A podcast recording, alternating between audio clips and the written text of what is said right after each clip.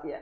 Nah, laki-laki tidak semuanya uh, apa namanya tidak semuanya maco, tidak semuanya perkasa karena itu ya saya sering kali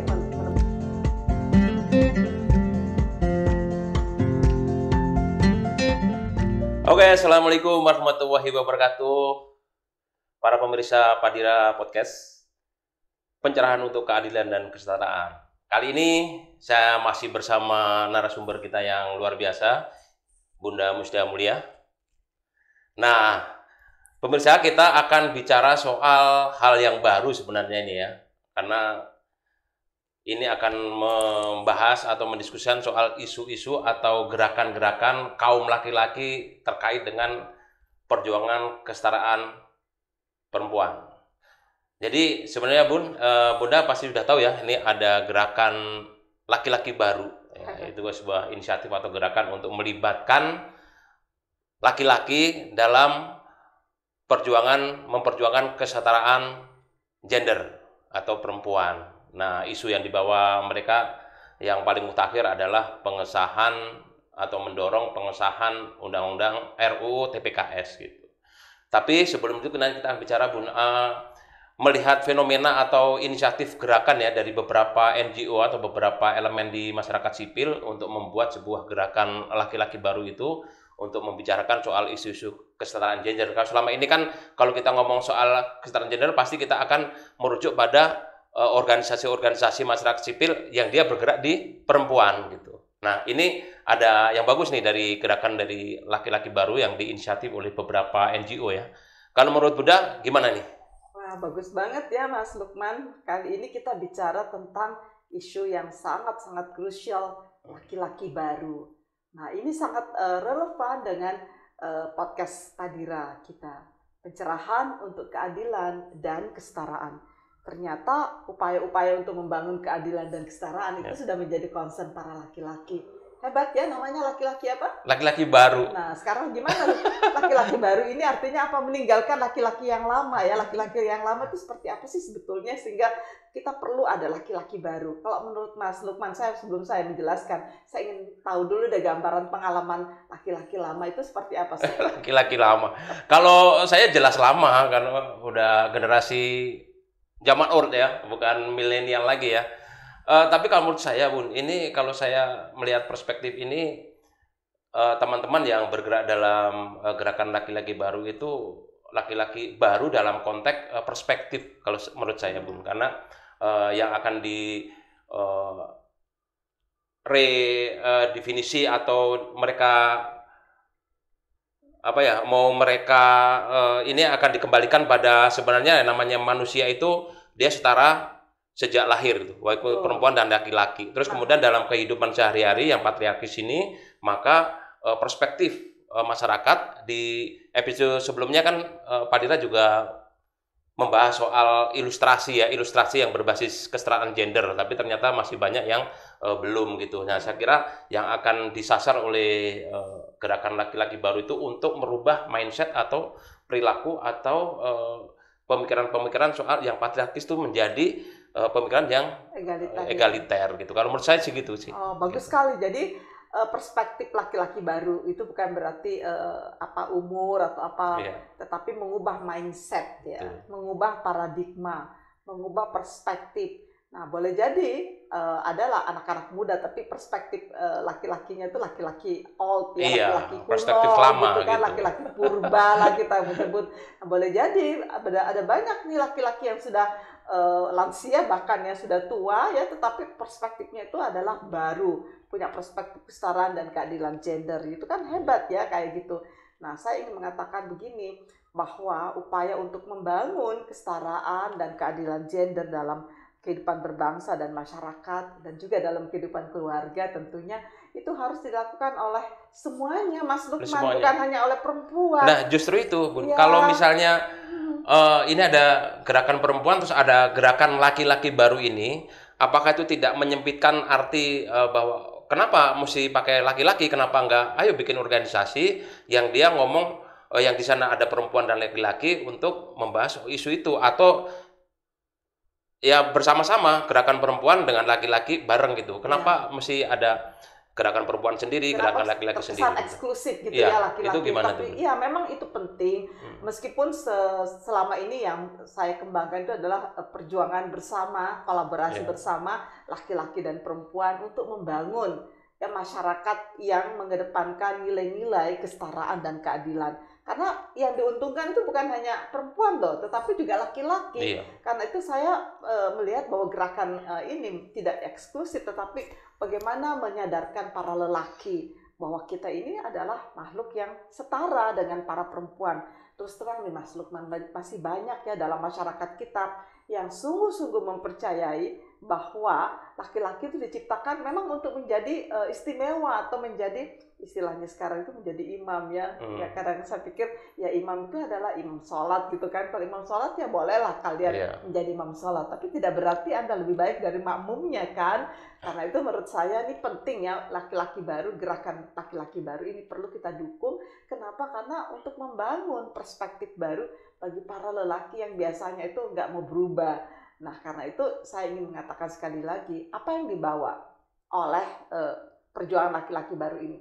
Itu adalah mengubah mindset para lelaki bahwa kamu itu adalah lelaki yang diciptakan Tuhan sama sebagai Iya. makhluk. Sebagai makhluk ya kita sama-sama khalifatil ard.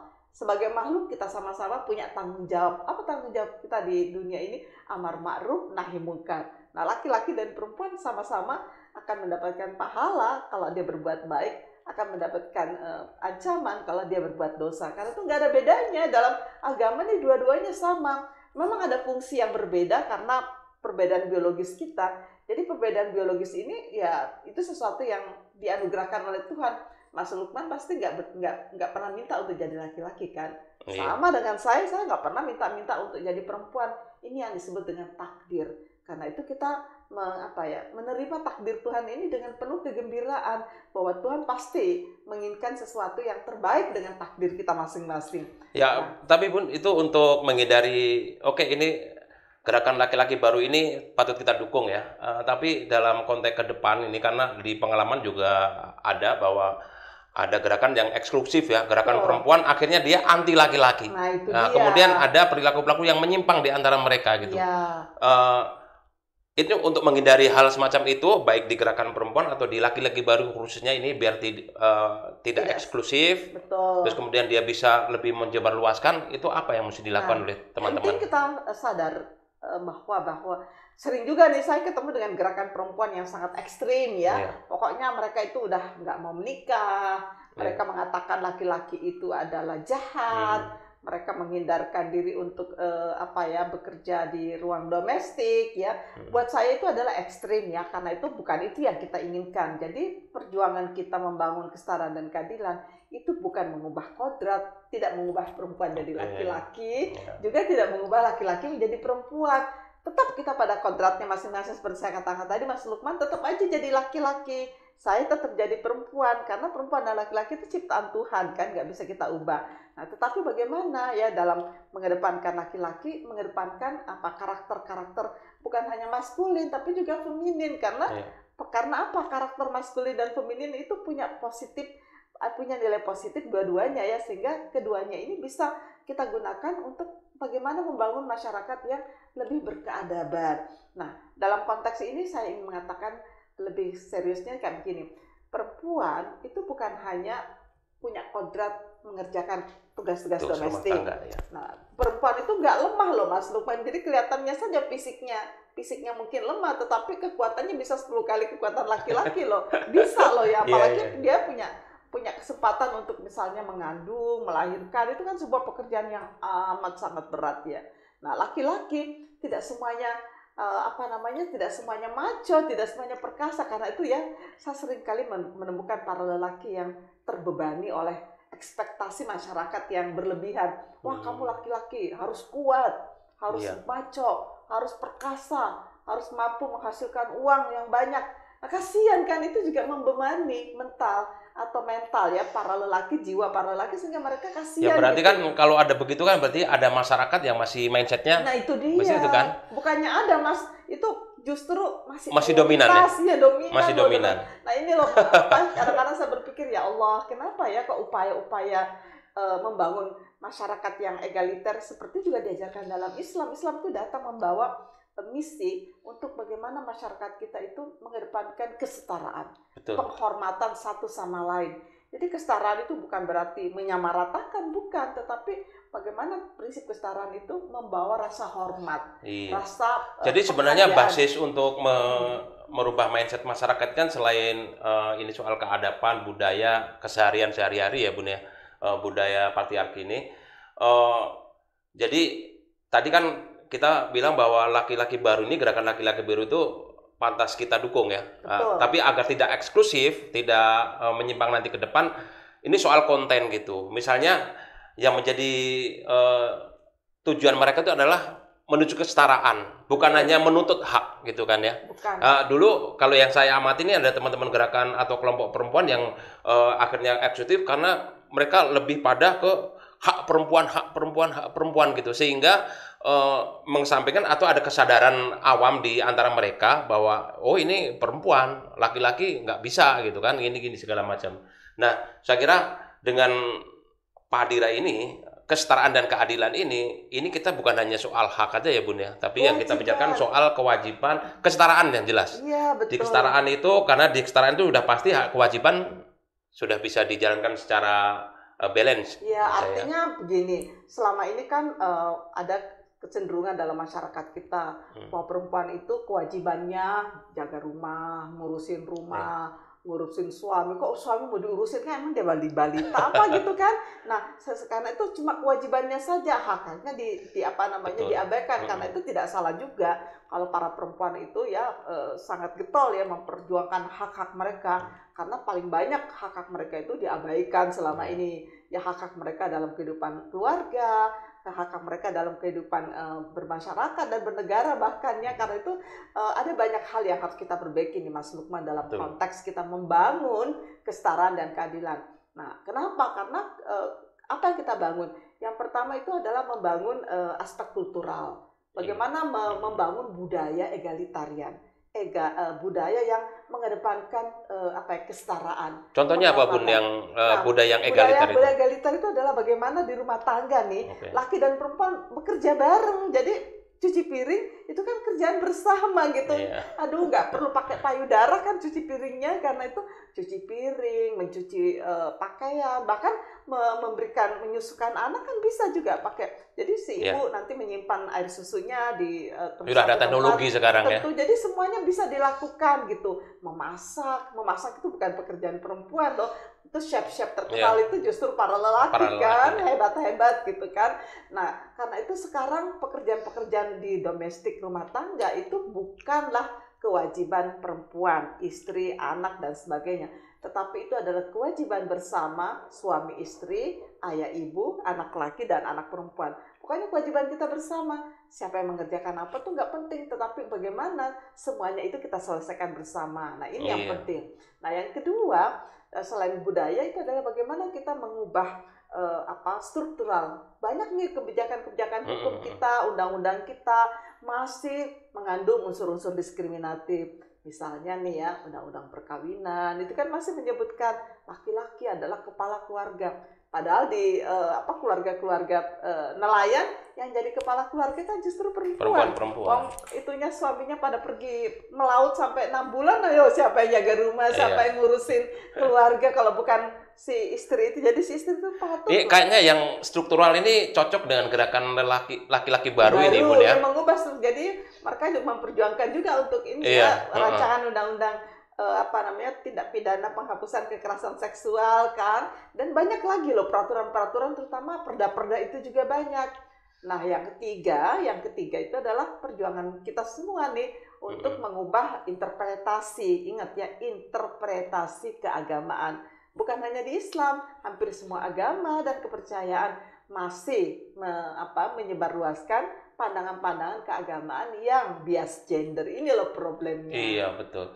Jadi secara struktural yang penting ini ya. Eh, tadi secara budaya, saya kira eh, di masyarakat kita sudah banyak eh, referensi ya, yang itu sudah di- bisa dilakukan di di masyarakat. eh, Tetapi banyak Peran. juga yang antinya nih Mas nih. Jadi mereka yang kampanye-kampanye anti eh, apa ya, yang kampanye perkawinan anak tuh kan itu kan Iya. berarti mengubah aduh itu berbahaya sekali kampanye poligami itu kan. Ada kursus-kursusnya itu, Bu.